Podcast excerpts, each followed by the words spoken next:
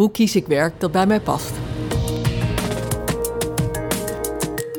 De meeste mensen besteden meer tijd aan hun werk dan aan hun vrienden en hobby's samen.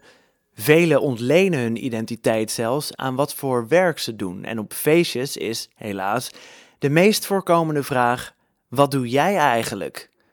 Logisch dus dat je maar beter kunt zorgen dat het werk dat je doet ook echt goed bij je past. De vraag waarmee we aan de slag gaan luidt dan ook: hoe kies ik werk dat bij mij past? We gaan op zoek naar het antwoord. Dat gaan we doen met Tim. Dat gaan we doen met Ruben. Dat gaan we doen met een expert, loopbaancoach en ondernemer Esther de Bruyne. En dat gaan we doen met een ervaringsdeskundige, digital nomad en ondernemer Suzanne van Duin. Laat de norm geen uitgangspunt zijn voor je eigen keuzes. En laat je het zicht op jouw idealen niet ontnemen door de waan van de dag. Ontwerp je leven zoals jij dat wilt leven. Wij, Ruben Klerks en Tim Daalderop, gaan in onze podcast samen met experts en ervaringsdeskundigen op zoek naar de antwoorden op de belangrijkste hoe-vragen rond het ontwerpen van je ideale leven. Hoe geef ik richting aan mijn leven? Hoe kan ik beter keuzes maken en prioriteren? Hoe verzamel ik de juiste mensen om me heen? De Lifestyle Design Podcast. Leef zoals je wilt. Voordat we beginnen, abonneer je via jouw favoriete podcastkanaal, Spotify, Apple Podcasts, Google Podcasts of Stitcher op de Lifestyle Design Podcast. Dan verschijnen al onze afleveringen automatisch in je podcastfeed. Die afleveringen worden mogelijk gemaakt door onszelf en door onze fans die ons supporten met een paar euro per maand via patreon.com. Wil jij ook onze podcast supporten door Patreon te worden? Ga dan naar patreon.com slash lifestyle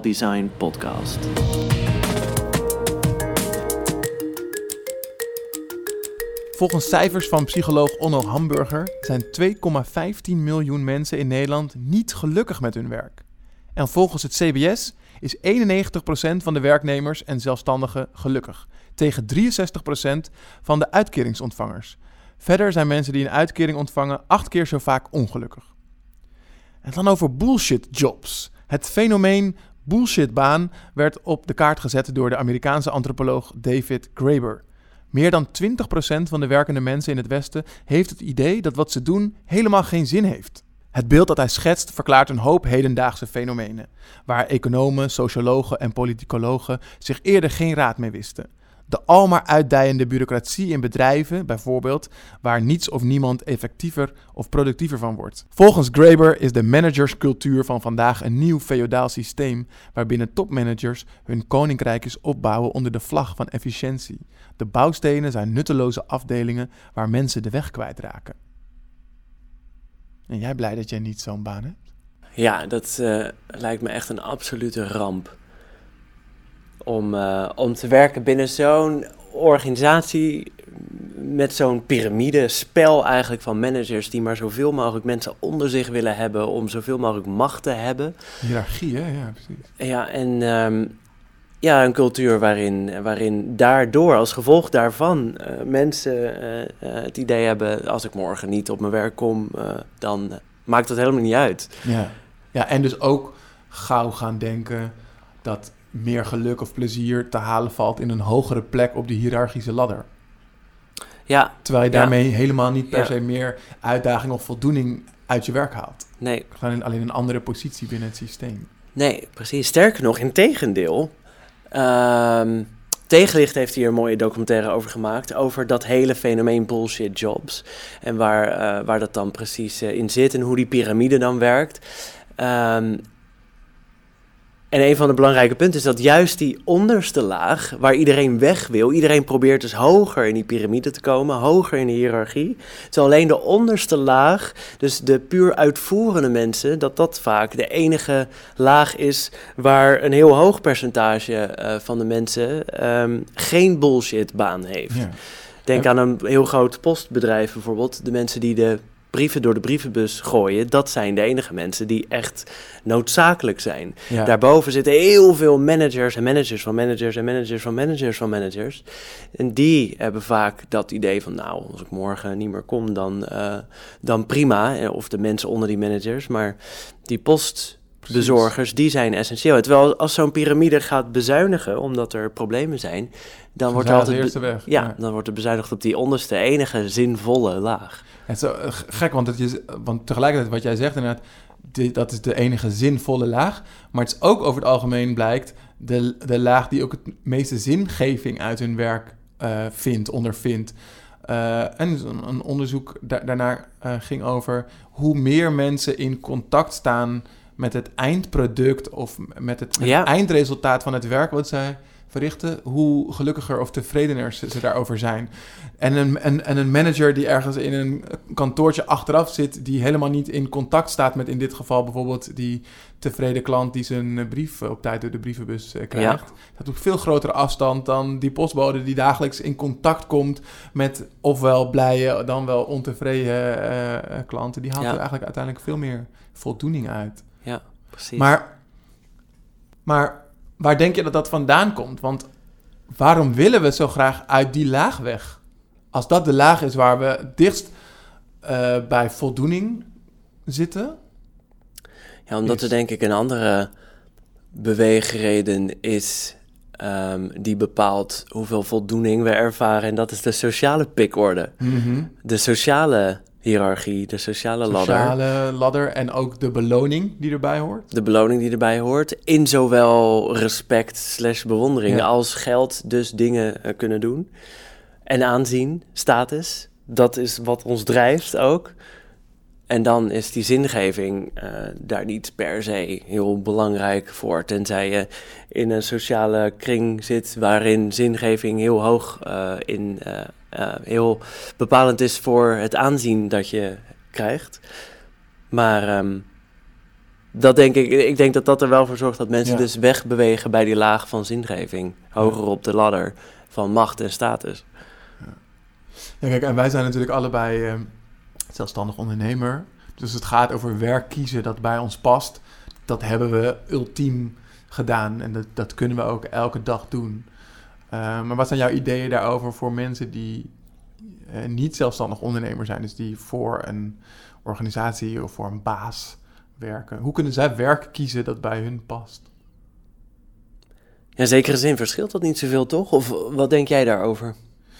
Het is leuk dat je die vraag teruglegt. want, eigenlijk wilde je zelf beantwoorden. Nee, nee, ik dacht van wat een handige manier om er geen antwoord op te geven. Ehm. Nou, eigenlijk, mijn idee daarover is inderdaad, ik denk dat de zelfstandige professional, en niet de eh, ZZP'er, maar de zelfstandige professional, dat dat wel de toekomst is.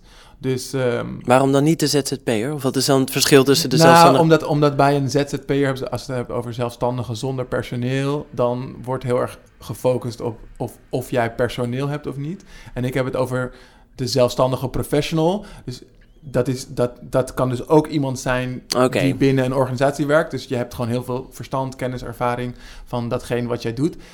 En je bent zelfstandig. En je kan ook zelfstandig zijn of een zelfstandige houding, mindset hebben als je voor een organisatie werkt. Dus, Ja. je, dus niet af- je niet afhankelijk maken van het systeem, zelf onderzoek blijven doen, zelf ehm, richting blijven bepalen.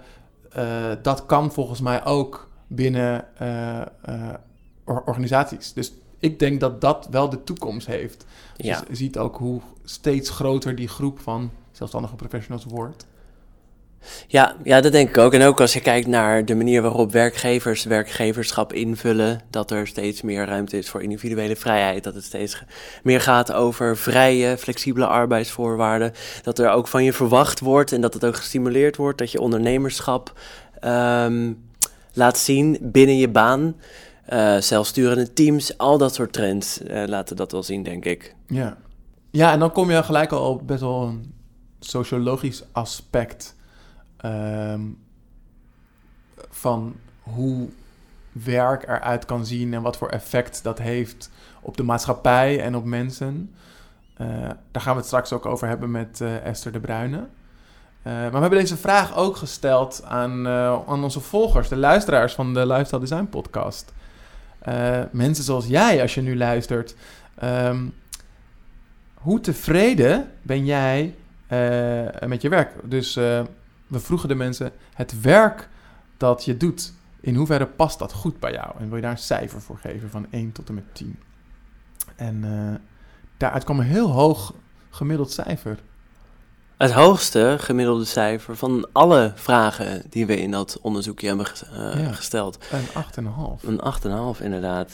Geen onvoldoendes. Nee. Oh, één. één, één onvoldoende hebben we, hebben we gezien. Uh, een vijfje. Maar voor de rest allemaal oh, ja. voldoende. allemaal mensen die zeggen dat het werk wat ze doen goed bij hun past.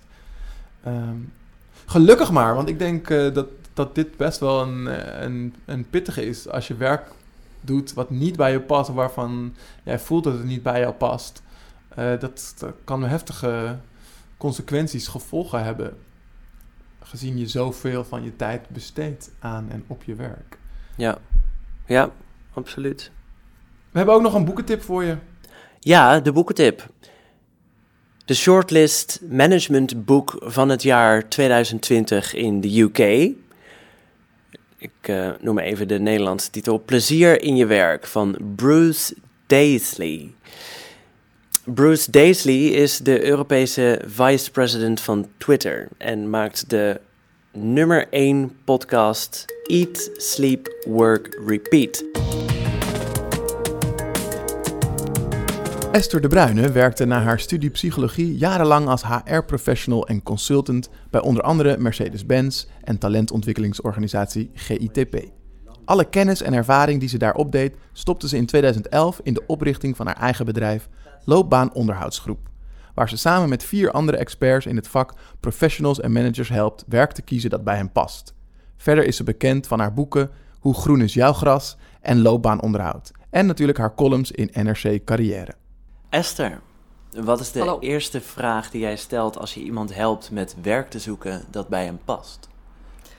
Nou, wat ik mensen wel vraag is uh, om terug te blikken op een periode waar ze trots op zijn. En uh, dat geeft inzicht in uh, wat je leuk vond en ook wel waar je goed in bent. Dus dan vraag ik ze om eigenlijk erachter te komen wanneer mensen op hun best waren. Dat, dat makes sense inderdaad. En, en, en um, dat, dat hoeven niet per se momenten te zijn die met werk te maken hebben? Nee, niet per se. Je kunt ook je eh, zicht krijgen op je talenten als je uh, nadenkt over hoe je was uh, met sport of in je studentenvereniging of nou ja, op allerlei andere momenten het organiseren van feestjes. Daarin kan ook al wat zichtbaar zijn over je talenten en ook op wat voor momenten je op je best bent. Dus terug naar de momenten waarop je echt aan het, mm. aan het shinen was, zeg maar. Um, en, en hebben mensen daar vaak een antwoord op of is dat nog heel erg graven voor mensen? Nou, sowieso vraagt het wel een beetje om over je schroom heen te komen. Nadenken over waar je trots op bent. Sommige mensen hebben zoiets trots op zijn. Nou, uh, ja, ik kan even niks bedenken. Maar, um, nou ja, als je, als je daar een beetje over nadenkt, en, uh, dan, dan lukt het de meeste mensen toch wel. En daarmee krijg je informatie um, over wat je leuk vond. En ook over dat andere aspect waar we het vaak dan niet zo over hebben. Uh, in welke omgeving je nou eigenlijk tot je recht komt. Want als je het hebt over leuk werk, dan hebben we het vaak over de inhoud. Dus wat wil je worden? Nou, ik, mijn, mijn passie is. En dan komen mensen met iets. Maar het is helemaal niet per se zo dat dat nou jou alleen gelukkig maakt. Als je inhoudelijk het goede werk doet, zeg maar. Of je passie volgt. En dat is wezenlijk wel een andere vraag, denk ik. Want het kan heel goed zijn dat als je terugdenkt aan dat moment waarop jij op je best was, dat het niet per se ook de omgeving was die mogelijk is in een baan. Nee, nee, maar het kan wel informatie over geven. Sowieso is het altijd een beetje een hobbelige weg om erachter te komen welk werk je het beste past. Er zijn zoveel factoren die meespelen. Het is, het is helemaal ook niet zo dat je dat zo in je eentje kunt gaan bedenken. En al helemaal niet achter je bureau met een aantal testjes. Maar je kunt wel allerlei puzzelstukjes bij elkaar uh, voegen. Ja.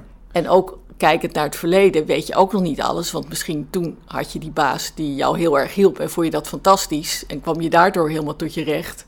Maar ja, als je daar nu aan denkt, dan, de, dan past dat helemaal niet meer. En dan is de tijd ook veranderd. Ja, precies. En want over die testjes gesproken, dat zie je wel ontzettend veel, toch? Dat er loopbaantestjes zijn en mensen die net van hun studie afkomen, worden er volgens mij ook mee doodgegooid. Ja. Hoe, hoe kijk je aan tegen dat soort testen? Ja, nou, ik gebruik ook zelf wel iets, maar ik ben ook altijd heel erg geneigd eh, om het eh, eh, niet al te groot te maken. Want het is eigenlijk zo grofmazig, zegt het iets over je. Je zit veel ingewikkelder in elkaar dan alleen zo'n testje. En dan krijg je zoiets van, jij bent geschikt voor buitenwerk. Ja, denk je dan, als je net psychologie hebt gestudeerd. en bovendien zegt het iets over jouw verlangens. Maar het hoeft ook niet allemaal in je baan natuurlijk. Het kan ook prima dat jij eh, eh, die klinisch psycholoog wordt... die het prima vindt om per dag zes mensen te behandelen... En dan lekker s'avonds uh, een wandeling gaat maken of bij een of andere fietsclub tot zijn recht komt. Ja, want, want wat doen jullie dan nog naast dat soort testjes verder als, als mensen bij jullie op bezoek komen om hun ideale werk te vinden? Nou ja, een aantal dingen. Zelfreflectievragen. Ik vind dat die eigenlijk uh, veel te weinig gebruikt worden in allerlei uh, loopbaanonderzoeken. Uh, heel vaak zijn het vooral testjes en dan is het de psycholoog die daar dan over gaat nadenken en gaat interpreteren. Maar je kunt zelf ook al um, heel veel leren met de goede vragen over wat bij je past. Um, en dan zijn dat zo'n vraag, zijn dat vragen zoals ik die net gaf, maar ook bijvoorbeeld een vraag als um, op wie ben je een beetje jaloers? Ah. Uh, dat zijn ook van die vragen die je aan het denken kunnen zetten van, goh, wat vind ik nou eigenlijk belangrijk? Nou, dus um, hoe kom je erachter? Zelfreflectie, uh, met anderen uh, erover praten. Um, en ik zit even te vragen, want ik zit antwoord te geven op de vraag die je niet helemaal zo stelde. Maar ik vond het heerlijk dat je, dat je hem ging samenvatten naar de... Je, ja, maar als je vraagt, kan je nog even... Uh, uh, wat, jullie, wat jullie doen naast oh, ja, wat wij uh, deden, ja. testen. Dus in, inderdaad ja. zelfreflectie. Ja, precies. Zelfreflectie en inderdaad ook met anderen praten. Maar dat ook aangevuld met feedback van anderen. Um, en blijkt dat dat vaak echt nieuwe informatie oplevert. Want in evaluaties krijg je veel meer te horen wat er nog beter kan. En je krijgt vaak bedroevend weinig informatie over wat er nou eigenlijk in je rugzak zit. Uh, en waar je het mee moet doen. Ja. Nou, een beetje uh, de, de, metafoor hanterend dat je uh, toch in onbekende orde eigenlijk weinig kunt doen als je niet weet wat er in je rugzak zit. Je hebt het gewoon nodig om, om uh, van anderen feedback te krijgen op waar je goed in bent. Wat nou je kwaliteiten zijn. Dus dat is ook zo'n element waarvan uh, ik denk dat het super belangrijk is. En wat mensen bij mij altijd krijgen, is dat ze uh, mensen moeten aanleveren die een aantal vragen krijgen die ze moeten beantwoorden over hem, hen. Dus wa wat vind je nou de beste kwaliteiten van die persoon? Waar zou je hem of haar voor willen inschakelen als het jouw bedrijf was. Ja, ja dan kom je eigenlijk ook meer achter die uh, uh, latente talenten misschien. Ja. Want wat je in het begin zei, dat, dat mensen vaak van zichzelf niet weten dat ze ergens heel erg goed in zijn. Daar kunnen die andere mensen beter antwoord op geven. Ja. Nou, het grappige is, ik stel mensen vaak van tevoren de vraag van waar ben jij nou goed in? En dan komen mensen met van die platitudes zoals van nou, ben wel enthousiast en ik kan wel goed samenwerken met andere mensen. En als je dan die feedback van andere mensen hebt gekregen, dan krijg je heel veel informatie. Je kunt het vaak veel beter benoemen, wat er goed aan je is. En toch heb je niet het gevoel dat je het niet wist. Nee. Dus het is allemaal herkenbaar, maar het mooie is dat je dan echt gelooft en kunt benoemen. Hoe kan dat dan? Is, er, is die informatie specifieker of valt er dan een valt dan gêne weg voor die mensen om dat over zichzelf te zeggen? Je hebt, en dat blijkt ook uit allerlei psychologisch onderzoek, je hebt gewoon benchmarken nodig. Je hebt nodig dat andere mensen het in je zien om het te kunnen geloven. En uit een soort bescheidenheid, en misschien ook omdat we er niet zoveel tijd aan besteden om erover na te denken, um, kom je maar tot een paar vage ideeën vaak over wat er nou goed in je is. En dingen die wel eens voorbij gekomen zijn. Want je ouders noemen je misschien wel eens als God is zo'n enthousiaste jongen. Maar ehm, pas als je het van anderen hoort, dan is het tastbaar. Dan geloof je het ook genoeg om het zelf over jezelf te kunnen zeggen.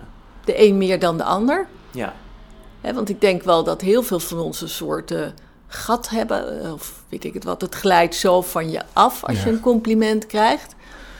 Maar juist doordat mensen het van meer mensen horen, dat helpt wel. En de vragen specifiek zijn, dat helpt wel. En eigenlijk gun ik het iedereen. Ik heb ook Ja. wel eens gedacht, want ik kwam tot die oefening nadat ik een paar keer bij begrafenissen had gehoord hoe mooi er over mensen gesproken werd. Toen dacht ik, goh, die zou er echt van opgeknapt zijn als hij dat gehoord had. Ja, voordat hij de kist in Ja, het is. misschien is dat een idee dat we dan voor het een begrafenis eh, organiseren voordat iemand eh, om dat soort speeches. eh, Nou, ik vind dat, dat vind ik wel een, een, een heel interessant gegeven. Want waarom doen we dat niet? Dat we zo'n moment aangrijpen. Ja, je doet het bij huwelijken en begrafenissen. Dat je Ja. echt, echt even Ja. iemand in het zonlicht Ja. zet en ja. vertelt wat je leuk vindt aan diegene of wat je waardeert aan diegene. Maar voor de rest gebeurt het weinig. Ja, een van de vragen die ik Ja. wel stel aan eh, klanten van mij om erachter te komen wat hun merkverhaal eh, zou moeten zijn, is, eh, en die heb ik overigens van Core Hospice, even de credits naar de persoon van wie ik dit heb, eh, eh, schrijf de grafreden over jezelf. Ja, wat zouden mensen over jou zeggen als jij eh, in die kist zou liggen? ja. Dat vind ik wel een goeie. Ik wil ja ik heb hem er ook in staan.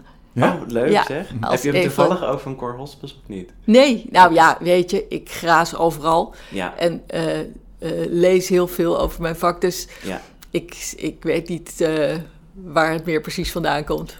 Ja. Ik, misschien heeft hij het ook niet van zichzelf. Vast niet, inderdaad. Hey, ik wil nog even terug naar die rugzak. Vond ik ook interessant. Want we hebben het nu veel gehad over wat je wel kan. Maar net eigenlijk min of meer tussendoor noemde je eventjes... Je hebt ook te maken met een rugzak. Met dingen die daarin zitten waar je het gewoon mee moet doen. Wat bedoelde je daar precies mee? Nou, ik bedoelde eigenlijk nog dat stukje van dat we zo weinig zicht hebben op onze rugzak. Eh, wa- wat erin zit. En bedoel je dan die talenten of die dingen die je goed kan? Of... Ja, Oké. Ja, ja, ja. Ehm, omdat ik denk dat je dat vooral moet weten. Want er zijn zo onnoemelijk veel dingen die we ook nooit zullen leren. Ik, ik ga nooit fantastisch leren kunstschaatsen en ook niet horden springen. En zo kan ik nog een miljoen dingen bedenken die ik allemaal niet kan. Maar het is super fijn om te weten wat ik wel kan. En dat is die rugzak. En dat is die rugzak. En dat maakt ook, want als je een andere baan zoekt, dat, dat is ook eigenlijk onbekend terrein. Dat is doodeng. En als je dan niet weet wat er in je rugzak zit, stel maar voor dat je zo wordt gedropt met je rugzak en je weet niet wat erin zit in een vreemd land. Ja. Dan blijf je angstig langs de kant zitten. Ja. Denk je dat, dat mensen over het algemeen, of dat mensen meer op zoek gaan naar een andere baan omdat ze eh, steeds worden geconfronteerd met dat wat ze niet kunnen? Of omdat ze het idee hebben dat datgene wat juist in hun rugzak zit niet genoeg gebruikt wordt? Of gebruikt kan worden in hun baan? Waar ze op dat moment... Ja, mensen steken ook wel verschillend in elkaar. Maar 70% van de mensen heeft eigenlijk wel een soort eh, sterker gevoel van onzekerheid. Hè? Dat imposter syndroom. Mhm. eh, dat je eigenlijk denkt dat je door de mand kan vallen. Nou, dat is een eh, heel erg remmend gevoel natuurlijk. Dus heel veel mensen gaan juist niet zo snel weg van een baan. Pas als ze het echt slecht naar hun zin hebben. Want het is best spannend. Ja. Eh, als je denkt van ja, misschien dat het hier nog net gaat. Maar als ik overstap, dan val ik misschien wel echt door de mand. Ja. Dus je hebt een groep die heeft veel zelfvertrouwen of is ongeduldig of om wat voor reden ook. En die verkast makkelijk. Maar eigenlijk de meeste mensen verkassen juist niet zo makkelijk. Nee, en, dan, en dan blijven ze dus zitten waar ze misschien helemaal niet happy mee zijn. Want uit onderzoek zagen we dat meer dan 2 miljoen mensen ongelukkig zijn in, in hun werk. Ik vond dat best wel hoge cijfers. Ik schrok daar wel van. Ja, nou ja, die cijfers verschillen wel. Maar dat er een, echt een groot percentage is eh, wat rond de 30% ligt, dat wordt vaak aangehouden. Zo, ja. En nog wel hoger ook. Dat niet gelukkig is in zijn werk, ja, dat, eh, dat, dat komt wel iedere keer terug. En dat heeft vaak te maken met dingen als van dat mensen geen ruimte en geen vertrouwen ervaren. Dat Eigenlijk- is wat je net noemde, dat imposter syndroom. Nee, imposter is dat je zelf het gevoel hebt dat je door de mand kan vallen. En dat houdt je op je plek, want dat is gewoon een eng gevoel. Ja, dan kies je voor veiligheid van hetgeen waarvan je weet, hier, hier kan ik mijn ding doen. En, Precies. eh, daar weet ik eh, hoe er op me wordt gereageerd. Desnoods met die baas met wie je het helemaal niet kan vinden en van wie je eigenlijk steeds meer onzeker raakt. Hè? Want soms kom je gewoon in een beetje een negatieve spiraal terecht. Als je een baas hebt die nooit iets goeds in jou benoemt. ehm, eh, eh, en dan blijf je maar zitten omdat je denkt, ja, ik weet niet wie mij anders nog zou willen. Dus soms is het eigenlijk een hele negatieve eh, spiraal waarin je terechtkomt. En dan helpt het wel als anderen jou eh, helpen te zien welke, wat je kwaliteiten wel zijn en je kunnen verleiden om een plan B te gaan maken. Oké, dus maar die 30% of meer van de mensen eh, die niet gelukkig is in zijn baan, dat heeft vooral te maken met wat anders. Dat heeft vooral te maken, mensen zeggen vaak, ik heb last van mijn baas. Mhm. En als je vraagt wat dan datgene is waar ze last van hebben, dat is dat te weinig vertrouwen krijgen, te weinig ruimte krijgen, niet gezien worden. Ook wel interessant, want die twee zouden wel goed met elkaar kunnen samenhangen. Eh, Dus het feit dat jij zelf aan een imposter syndroom lijdt, dus dat je onzeker bent over je, of jij het wel, wel echt kan waarmaken. En een leidinggevende die jou te weinig vertrouwen geeft. In die, Ja, dat, dat, laatste zal het eerste waarschijnlijk enorm versterken. Dat- Nee, precies. Ik, ik, ik Ja. zie daar ook dus een relatie tussen. Ja, ik denk dat er, maar dat is wel een beetje eh eh, hoor, maar ik, ik denk dat het voor veel managers lastig is om los te laten en om heel waarderend te zijn. En daar zijn wel allerlei cursussen voor, maar ehm, het, het blijkt gewoon heel lastig. De meeste managers die zijn toch net wat, hoor ik ook van mijn klanten, net wat perfectionistischer, net wat geneigd om de dingen toch zelf te doen. En, eh, je waarderend uitspreken is ook best lastig. Dus, ehm, nou ja, eh, om genoeg zelfvertrouwen te hebben en ruimte op te eisen, dat is gewoon voor veel mensen best lastig. Ja, nee, dan komen we eh, terug bij die benchmarks ook die je eerder noemde. Je hebt dat nodig van andere mensen om dat wat je denkt ook echt te geloven vaak. Ja, Ehm, wat zouden die mensen dan het beste kunnen doen? Het is gewoon, je bent niet blij, het is lastig om wat anders te gaan doen. Ehm, wat, wat, wat geef je die mensen dan voor advies?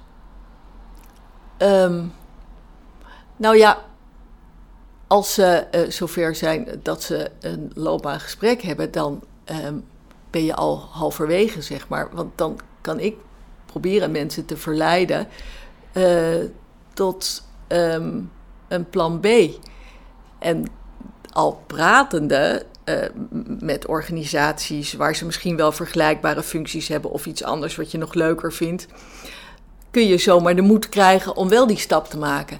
Dus eigenlijk om uit je cirkel te komen en gewoon weer nieuwe input te krijgen. Door, die, door die feedback, maar ook doordat je gesprekjes gaat voeren in je netwerk en ideeën krijgt, dat je dan gewoon weer meer perspectief gaat zien. En komt het dan ook wel voor dat mensen gewoon in dezelfde functie blijven? Of bij, de, bij dezelfde werkgever blijven? Ja, ja. Ja. Ik heb eh, eh, een aantal werkgevers en eh, die hebben zulke goede arbeidsvoorwaarden dat. ehm, of een aantal klanten. En die hebben zulke goede arbeidsvoorwaarden dat het voor mensen ook echt lastig is om weg te gaan. Met alle goede en niet goede dingen daaraan. Ehm, maar dan helpt het toch om zo'n rondje rotonde te maken en eens bij andere organisaties te praten. Soms alleen maar om dan weer tevredener terug te komen. Ah, om te zien dat het gras bij de buren niet even of niet groener is. eh, Ja. Dan, eh, ja, ja. Ah. Ja, Ja, want ik, waar ik ook nog wel benieuwd naar ben, van als je dan dus kijkt naar of mensen eh, blijven of weer weggaan. ehm, wat is eigenlijk een moment waarop ze eh, loopbaanadvies vragen? Eh, op wat voor moment komen ze bij jou terecht? Nou, dat is heel verschillend. Ehm, soms gaat dat in overleg met een manager, omdat het gewoon niet meer zo lekker loopt. Of binnen de organisatie is een, is een beleid dat mensen ook elke keer eh, gewoon weer eens een, een, check-up kunnen maken. Van hoe ga je verder, hoe vul je je toekomst in, hoe maak je je POP, persoonlijk ontwikkelplan. Eh, en soms komen ze ook eh, uit zichzelf. ehm, al dan niet met rugzak van de organisatie. Gewoon omdat ze eh, zelf bedacht hebben: ik wil me weer eens gaan oriënteren op de komende jaren of ik wil echt weg. Dat klinkt alsof dat minder voorkomt dan dat het vanuit de werkgever is geïnitieerd. Klopt dat? Ja, nou ja, meestal wel ondersteund door de werkgever. Ja, want dat, want dat lijkt me ook wel spannend.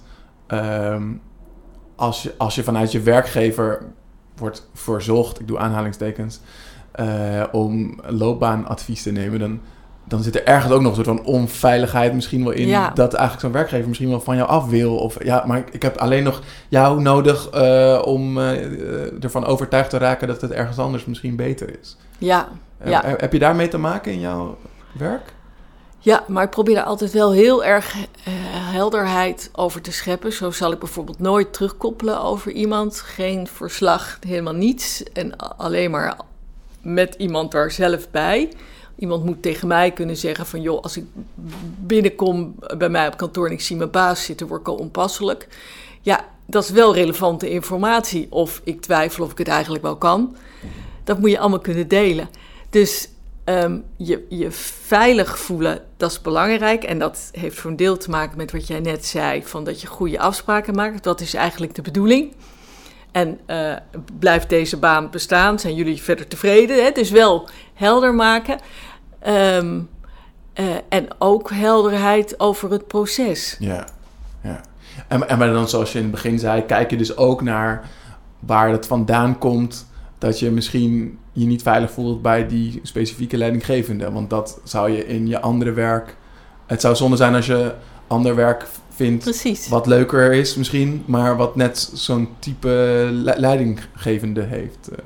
Nou ja, of het zit gewoon een beetje aan jou gekoppeld. Hè? Dat, Ja. je, eh, dat je het gewoon heel lastig vindt met dominante leidinggevende bijvoorbeeld. Nou, dan is het ook wel de moeite om daar naar te kijken van wat voor gedachten ben jij aan het hebben. Dat jij iedere keer in je schulp kruipt op het moment dat iemand zegt eh, van ik vind dat niet fijn wat je Ja. doet. Hey, en stel nou dat, eh, eh, eh, dat... Ik kan niet zeggen dat ik, ben zelfstandig ondernemer... maar stel dat een van onze luisteraars aan het twijfelen is over... of hij nou wel de juiste baan heeft. Waar zou die moeten beginnen om, om, om ja, die ideale baan te gaan vinden of te creëren? Ja, nou, ehm, eerst een beetje zelf nadenken aan de hand van dat soort vragen als van waar was ik op mijn best en ehm, eh, ook die vraag van op wie ben ik nou een beetje jaloers. Met anderen daarover hebben en dan liefst mensen die kunnen luisteren en oplossingsgericht met jou meedenken, maar zonder het allemaal al te zeggen van nou wat ik jou zie doen. Ehm, en ook te kijken naar de bepaalde dromen, verlangens die je hebt. Misschien denk je al heel lang van, joh, ik wil eigenlijk wel zij-instromer worden. Dat lijkt me toch wel fantastisch. Ehm, om daar een soort shortlist van te maken en een overzichtelijk lijstje, zeg maar. Want het kost altijd meer tijd dan je denkt om het goed uit te zoeken. En dan ook echt gaat kijken van nou welke vragen heb ik nou nodig om erachter te komen of dit iets is of niks. Dus dat je niet alleen maar een gezellig gesprekje hebt van hoe zien jouw dagen eruit, maar dat je ook antwoord hebt op van goh, maak ik eigenlijk kans met mijn achtergrond? Ja, Ehm, eh, wat ga ik eigenlijk verdienen? Al die vragen die relevant zijn om aan het einde te kunnen zeggen van zo'n gesprekje, ja, dit lijkt me wat, of nee, dit is gewoon, deze moet ik er vanaf halen. Ja. Dat was een, een leuke fantasie, maar eigenlijk als ik iets met kinderen wil doen, dan moet ik dat in mijn vrijwilligerswerk gaan doen, of ik moet dat eh, in een hele andere richting met kinderen gaan doen. Nou ja, ja. Ja, dus in ieder geval starten met dat stukje zelfreflectie. Nou, daar heb je een aantal vragen voor eh, die handig zijn om te stellen. En dan ook andere mensen erbij betrekken. Eh, de praktische kant bekijken. Van, eh, eh, wat zit er dan aan die andere functies eh, verbonden? ja, Ehm, en dan? Ehm, nou ja, het is ook goed om tegelijkertijd ook eh, naar vacatures te kijken. Maar het is heel de tijd zo'n soort eh spekkoek-idee. Je hebt ook trajecten waarbij mensen eh, twee weken lang opgesloten worden en met allemaal specialisten praten. Ik geloof daar niks van.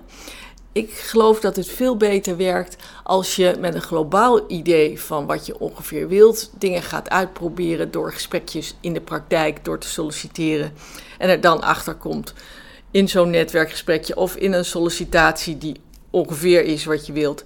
Van nou, dit is eigenlijk best wel hartstikke leuk. Ja, ik moet hier verder zoeken, maar dit nou precies niet. Maar uh, onderwijzeres of uh, maar misschien wel leerlingbegeleider. Dat is het eigenlijk. Ik ga, nou, dat je dan in een soort beslisboom terecht komt. Ja. Doen en praten dus eigenlijk. Ja, en die, met dat spekhoek bedoel ik van uh, een laagje reflectie en een laagje toetsen. Ja, bakje spekhoek in de praktijk samen met andere mensen door gesprekken te voeren. Precies. Ik wilde nog eventjes hebben over een, een heel vies woord, vind ik zelf, om daarmee af te sluiten.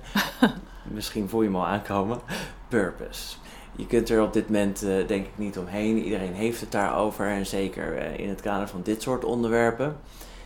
Um, hoe kijk jij daar eigenlijk tegen aan? Mensen zijn zo bezig met het vinden van hun purpose. En is dat een voorwaarde om uh, werk te vinden dat bij je past? Of ja, hoe, hoe zie jij dat? Nou, het grappige is dat zonder dat we het zelf merken, is er wel een soort ontwikkeling in onze verlangens. Uh, want tot de jaren negentig wilden we allemaal doorgroeimogelijkheden, een goed salaris, hmm. een sterke werkgever. En op een gegeven moment sloeg dat om, zo in de jaren negentig. En toen hadden we het allemaal over passie. En daar hebben we het nou ook weer minder over. En nu hebben we het allemaal over iets toevoegen aan de samenleving, maatschappelijk nut.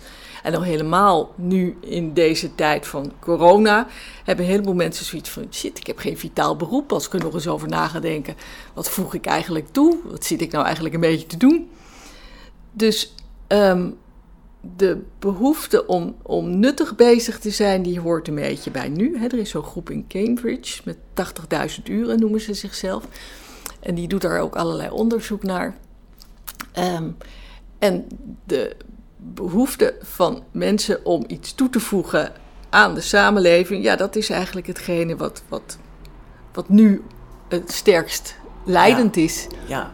bij Hoe veel mensen. is die behoefte, denk je? Want het, is, het lijkt ook heel erg een trend. Hè? Je moet ineens purpose hebben. Is die, zijn we er nu achter gekomen dat we dat oprecht heel belangrijk vinden? Of is het ook een beetje hebben mensen misschien stiekem het gevoel dat ze dat moeten hebben, maar heeft lang niet iedereen die behoefte om uh, per se iets heel zinvols te doen?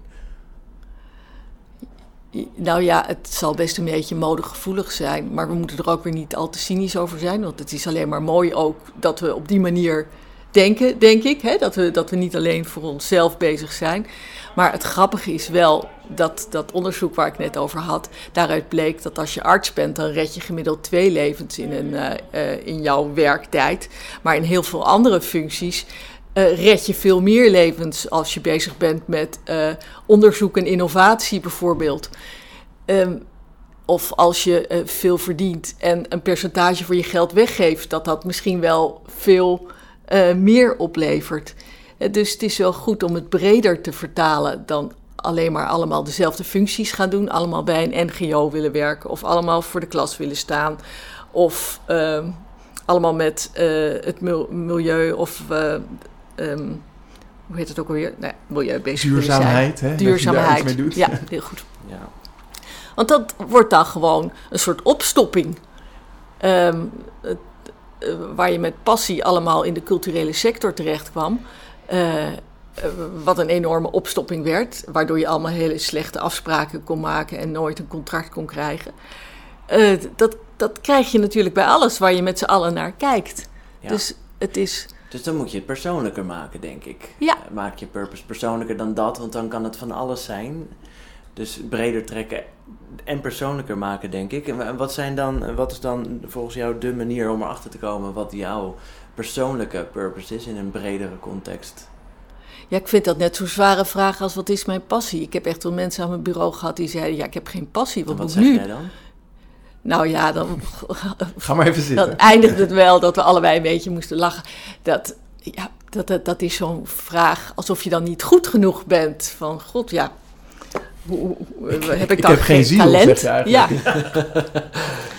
Terwijl het echt maar een, uh, ja, een, een concept is wat, wat helemaal niet per se eh, eh, alles duidt nou. Dus, en dat geldt voor purpose ook. Dus we moeten het ook wel een beetje breder zien, een beetje relativeren. Je kunt het ook buiten je werk vinden. Het hoeft niet allemaal in je werk. Daarmee wordt je werk ook veel te zwaar belast en willen we allemaal maar hetzelfde. Uh, het is ook fantastisch om één keer in de week te gaan wandelen of boodschappen te doen voor iemand, weet ik veel wat. Dus er zijn nog veel andere manieren ook om uh, nuttig bezig te zijn. Je hoeft ook niet alles te vinden in je werk. Ja, dat vind ik ook wel een mooie inderdaad. Uh, dat, dat het niet allemaal in je werk hoeft te zitten. Dat je het ook daarbuiten kan zoeken. En dat daarmee je werk ook leuker kan worden. Ja, ja. Nou ja, en dan is er ook nog wel die andere kant. Hè? Want met deze coronacrisis uh, voelen we toch allemaal iets meer dat het ook eindig kan zijn. Je wordt geconfronteerd met de dood, terwijl we daar in het algemeen eigenlijk heel weinig mee te maken hebben. En die confrontatie met, dat, met je eindigheid, die maakt je ook wel moediger.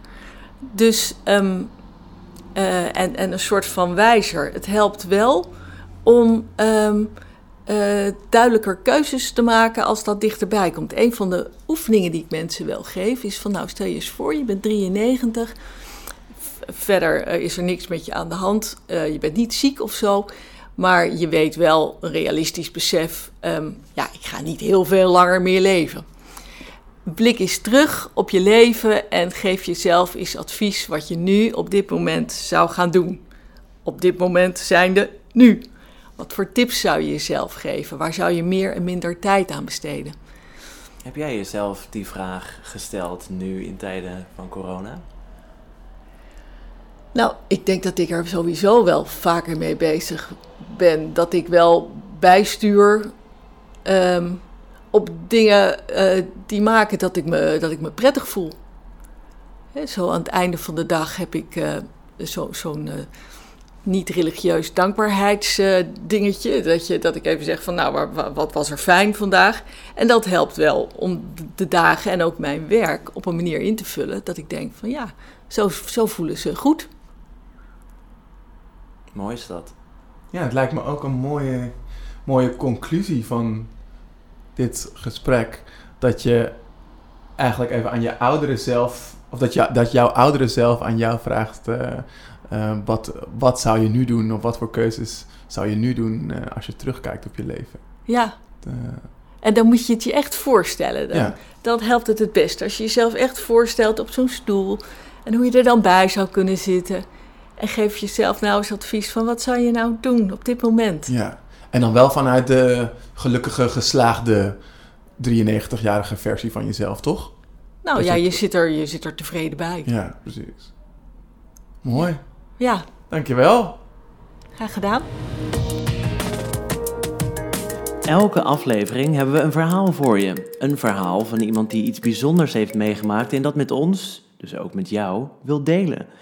Eigenaar van contentbureau Susje HQ, Suzanne van Duin, volg haar op Instagram, Vrije Meid, is reislustig. Maar hoe combineer je dat met je werk? Nou, gewoon, je wordt digital nomad en reist en werkt tegelijkertijd. Suzanne deed het, doet het en schreef er een boek over. Werk kiezen dat bij je past, um, is niet per se de vraag die je zelf moet stellen. Je moet eigenlijk jezelf vragen: wat is mijn droomleven? Wat is voor mij mijn ideale leven en welk werk past daarbij? Zie werk eigenlijk als een middel om je droomleven te bereiken. Dat is in ieder geval wel wat ik doe, uh, of wat ik probeer, en waar ik me eigenlijk de afgelopen jaren op heb gefocust om dat te realiseren. Uh, en om, ik zal het even uitleggen, dus ik neem jullie mee eigenlijk in mijn verhaal en dan, dan wordt het duidelijker wat ik bedoel. Uh, nou, een paar jaar geleden werkte ik in loondienst um, en ik vond dat best wel lastig te combineren met uh, reizen. Want ik hou van reizen, ik hou van lang reizen, ik hou van ver reizen. Maar als je loondienst werkt, heb je heel vaak gewoon 25 vakantiedagen per jaar. Dus vijf weken vakantie. En heel vaak kan je dat ook niet allemaal achter elkaar opnemen. Uh, en bovendien wilde ik dat eigenlijk ook niet, want dat betekent dat ik één keer per jaar weg kon en dan de rest van het jaar helemaal niks meer. Um, dus ja, ik, ik, ik struggelde daarmee. Um, en daarom heb ik ook uh, mijn baan opgezegd uh, in 2014 om een half jaar te kunnen gaan reizen. En dat was fantastisch. Ik ben naar Australië geweest, uh, met een campervan. Uh, ja, echt gewoon ja, beseffen dat, dat weinig dingen ertoe doen als je lekker aan het reizen bent. Ehm, maar begin 2015 kwam ik terug van die reis uh, en begon eigenlijk het hele circus weer opnieuw. Ik moest weer een baan zoeken, ik ging weer aan de slag en ik had weer 25 vakantiedagen per jaar. En eigenlijk best wel snel benauwde mij dat weer en dacht ik, ja, wanneer kan ik eigenlijk weer ooit zo'n mooie reis maken? Kan ik eigenlijk ooit nog zo'n mooie reis maken? En ja, hoe, hoe ga ik dit weer doen? Um, en daardoor zat ik heel erg met mezelf in de knoei. Ik reisde zoveel mogelijk, dus eigenlijk alle vakantiedagen gingen sowieso op. Maar ik ging ook heel vaak weekenden weg of ik ruilde dagen om. En ik, ja, ik wrong me in al, allerlei bochten om toch te kunnen reizen. Dat was mijn ideale lifestyle. Maar um, ja, die, die balans was niet echt ideaal nog. Ik had het gevoel dat ik elke keer niet echt um, iets aan het doen was. Dus reizen ging niet echt, maar echt gefocust werken ging ook niet. Ik was continu, als ik aan het reizen was, was ik niet aan mijn carrière aan het werken. En als ik mijn baan weer zou opzeggen, zou ik weer opnieuw moeten beginnen. En daar had ik ook niet elke keer zin in. Maar als ik maar bleef werken, dan kon ik ook niet echt al die reisstromen waarmaken. Dus eigenlijk hè, had ik zoiets van: I want to create a life I don't need vacation from. Dus hoe kan ik reizen meer integreren in mijn werk? Uh, en het was op een gegeven moment 2015. Ik hoorde voor het eerst over de term digital nomad. Uh, voor degenen die niet weten wat het is. Digital nomad uh, betekent eigenlijk dat je ja, veel reist, hè, nomade bent. Um, en dat je dankzij digitale middelen toch je werk kan doen. Dus je ziet veel mensen tegenwoordig met een laptop op reis. Dat ze eigenlijk gewoon, ja, dankzij het internet, dat ze toch hun werk kunnen blijven doen. Omdat ze een online business hebben. En dat ze overal kunnen werken waar ze, waar ze maar willen. En daarvan dacht ik wel van wauw, dit klinkt toch ideaal. Dit is eigenlijk wat ik zou moeten doen. Um, maar ik vond dat ook super eng, want het betekent eigenlijk ook dat je dus eigen baas moet zijn, dat je een eigen bedrijf moet starten. Uh, en ja, dat, dat, dat had ik niet. Dat, ik wist niet of ik dat kon en of ik dat eigenlijk wel moest willen. En ja, het leek me ook onzeker. En ik had een vriend en hij wilde dit niet per se. Dus eigenlijk zag ik ook allemaal beren op de weg. Uh, en daarom ging ik dus ook weer in loondienst. Um, maar het zaadje was wel echt geplant. Want eigenlijk binnen een paar maanden dacht ik, ja, wat ben ik nou eigenlijk weer aan het doen? Ik wil, hè, ik wil dat leven waarvan ik geen vakantie hoef te nemen. Um, en daarom ben ik er toch voor gegaan. Ik ben eind 2015 ben ik echt gaan focussen op uh, freelance klussen opbouwen naast mijn baan. Uh, zodat ik uiteindelijk mijn baan kon opzeggen. En vanaf begin 2016 kon ik toen voor mezelf beginnen, helemaal fulltime. En twee weken later zat ik al in het vliegtuig naar Thailand en Nieuw-Zeeland om daar zes weken te gaan uh, werken en reizen. Nou, dat beviel me super. Um, ik, heb, uh, ja, ik leerde wel dat het wel meer is dan even met je laptopje op het strand chillen. Uh, ik heb geleerd dat je onder andere ja, beter gewoon eerst echt even een paar uur gefocust kan werken. Liefst gewoon binnen eigenlijk, zonder afleiding. En dat je dan die laptop echt moet wegleggen en dat je dan echt vakantie kan gaan vieren. Het is niet, hè, I, don't, hè, I, I want a life I don't need vacation from. Het is niet dat je altijd op vakantie bent als je digital nomad bent. Het is meer hè, dat je gewoon je werk meeneemt en dat je ook gewoon je werk moet doen. Alleen ben je in een heel mooi land vaak en kan je dus na je werk heel veel leuke dingen doen. En het leuke is ook dat ik heb gemerkt dat ik veel efficiënter werk op reis eigenlijk, waardoor ik kortere werkdagen kan maken, zodat ik meer tijd overhoud om ook te genieten van het land. Want je bent ook natuurlijk niet voor niets op reis. Nou, dus dat is eigenlijk voor mij nu de ideale, ideale balans op reis. Um, en ja, dan denk je misschien, hoe heb je het met je vriend opgelost? uh, want hij is nog steeds geen digital nomad. Um, en ik, ik eigenlijk technisch gezien ook niet. Ik ben geen nomade, ik heb wel een huis. Dus ik noem mezelf eigenlijk een soort part-time digital nomad. Dus ik kan reizen wanneer ik wil. Uh, ik kan werken waar ik wil. Maar ik hoef dit niet altijd te doen. Ik heb gewoon een huis, ik heb een leven in Nederland... Uh, maar ik reis wel veel. Dus ik ben nu gemiddeld vier maanden per jaar weg. Uh, en dat bevalt me echt super. Ik heb echt het gevoel van wauw, wat een vrijheid. Ik kan nu doen wat ik wil. Uh, ik ben in heel veel landen al geweest, zowel met laptop als zonder. Echt van Los Angeles, waar ik een week heb gezeten, tot Costa Rica, zes weken, Nicaragua, Panama. Ik ben op een nomad cruise mee geweest, dat je twee weken op een boot zit met allerlei andere digital nomads. Ik heb een week in Barcelona gewerkt. Thailand, Indonesië, uh, Filipijnen, Japan, Australië. Uh, ik heb zelfs mijn boek, uh, aan mijn boek gewerkt vanuit Australië. Ik heb begin dit jaar een boek uitgebracht, Work Hard, Travel Harder, over werk en reizen als digital nomad. En daarin ehm, vertel ik eigenlijk ja, mijn hele verhaal, inclusief eh, praktische tips. Eh, ik, ik, interview ook andere inspirerende digital nomads. Ik deel bestemmingen waar je kan werken.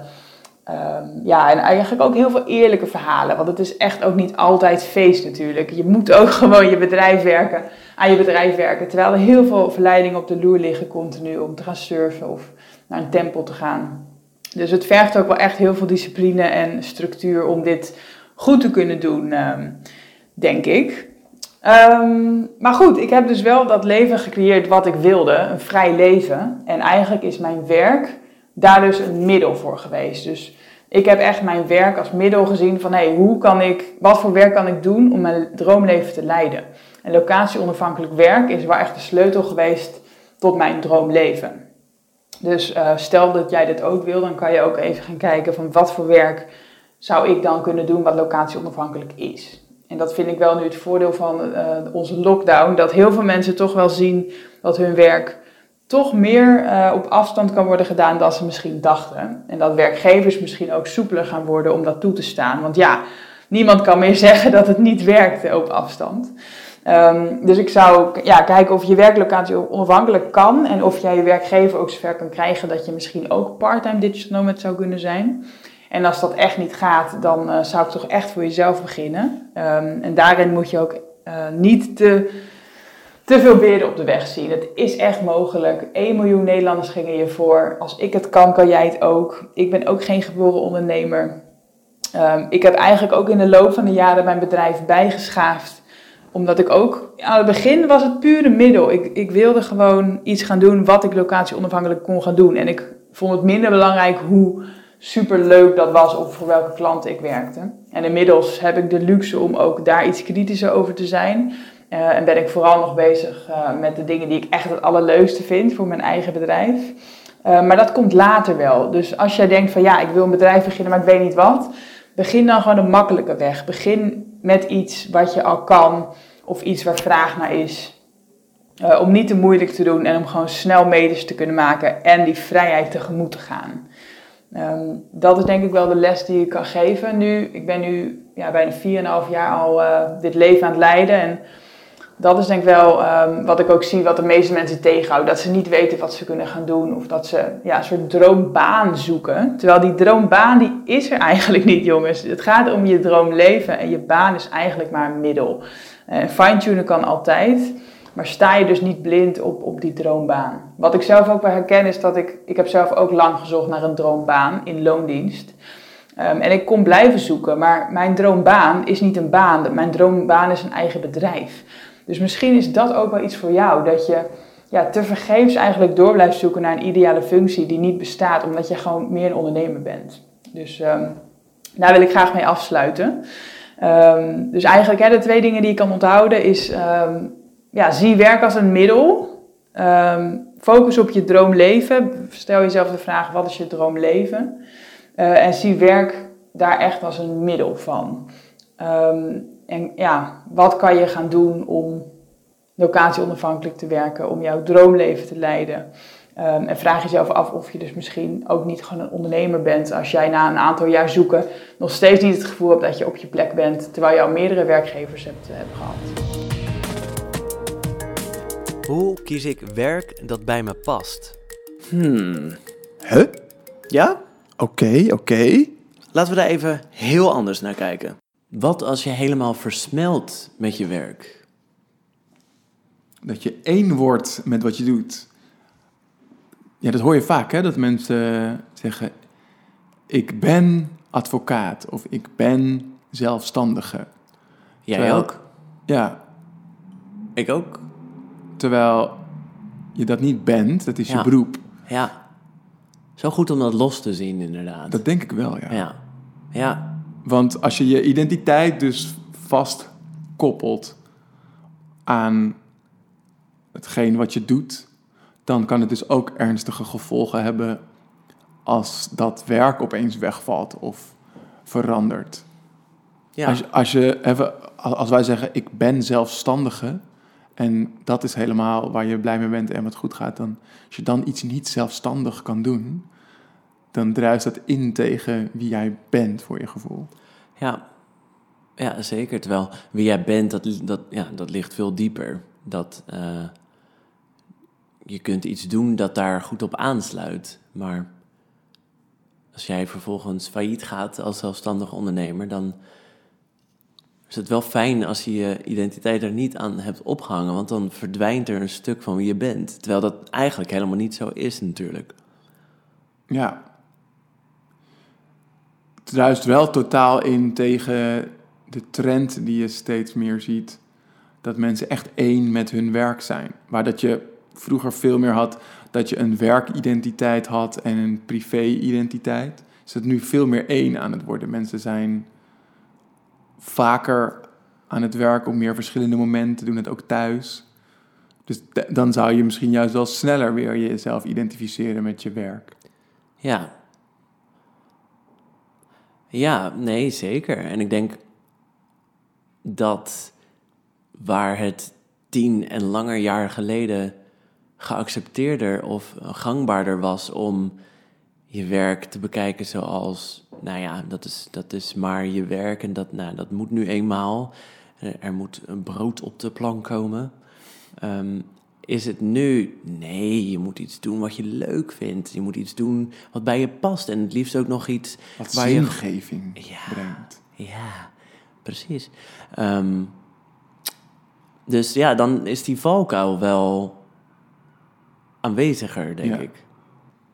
Ja, het is dus belangrijk om werk te kiezen dat bij je past, maar het niet te zien als onderdeel van je identiteit, van wie je bent. Dan nog even dit. Wij, Ruben Klerks en Tim Daalderop, worden van weinig dingen zo blij als het maken van deze Lifestyle Design podcast. Hoewel wij als lifestyle designers al onze tijd beschouwen als vrije tijd, maken we deze podcast in onze vrije vrije tijd. Met andere woorden, we verdienen er niets mee. Dat vinden we eigenlijk wel fijn, want zo is onze podcast 100% vrij van adverteerders. Dat betekent dat wij kunnen maken wat wij willen maken en jij daarnaar kunt luisteren zonder dat je tussendoor van die irritante reclames hoort. Wil jij ons helpen de Lifestyle Design Podcast advertentievrij te houden en nog beter te maken met nog diepere gesprekken en nog toffere gasten? Support ons dan voor een klein vast bedrag per maand dat je zelf kiest op patreon.com slash lifestyle design podcast. Als dank voor je support krijg je, naast een nog betere en advertentievrije podcast, toegang tot exclusieve gesprekken met experts, ervaringsdeskundigen en onszelf. Vol tips, tricks en inzichten rond het ontwerpen van je ideale leven. Oh, en je krijgt een eervolle vermelding op onze website en een persoonlijk bedankje in onze eerstvolgende aflevering, als je dat wilt. Vond je dit een toffe aflevering? Vergeet je dan niet te abonneren op deze podcast. Gewoon hier op het kanaal waar je nu naar luistert. En we vinden het ook leuk met jou in contact te komen. Wat heb jij gehaald uit deze aflevering? Hoe heeft het jouw leven verbeterd? Deel het met ons. Mail ons op hallo at lifestyledesignpodcast.nl Volgende week gaan we op zoek naar het antwoord op de vraag: hoe ontspan ik zo goed mogelijk? Ja, dan spreken we met ex-Hart van Nederland presentatrice en presentatietrainer Maureen Dutois en horen we het verhaal van burn-out ervaringsdeskundige en coach Fleur Brunninkhuis. Tot volgende week.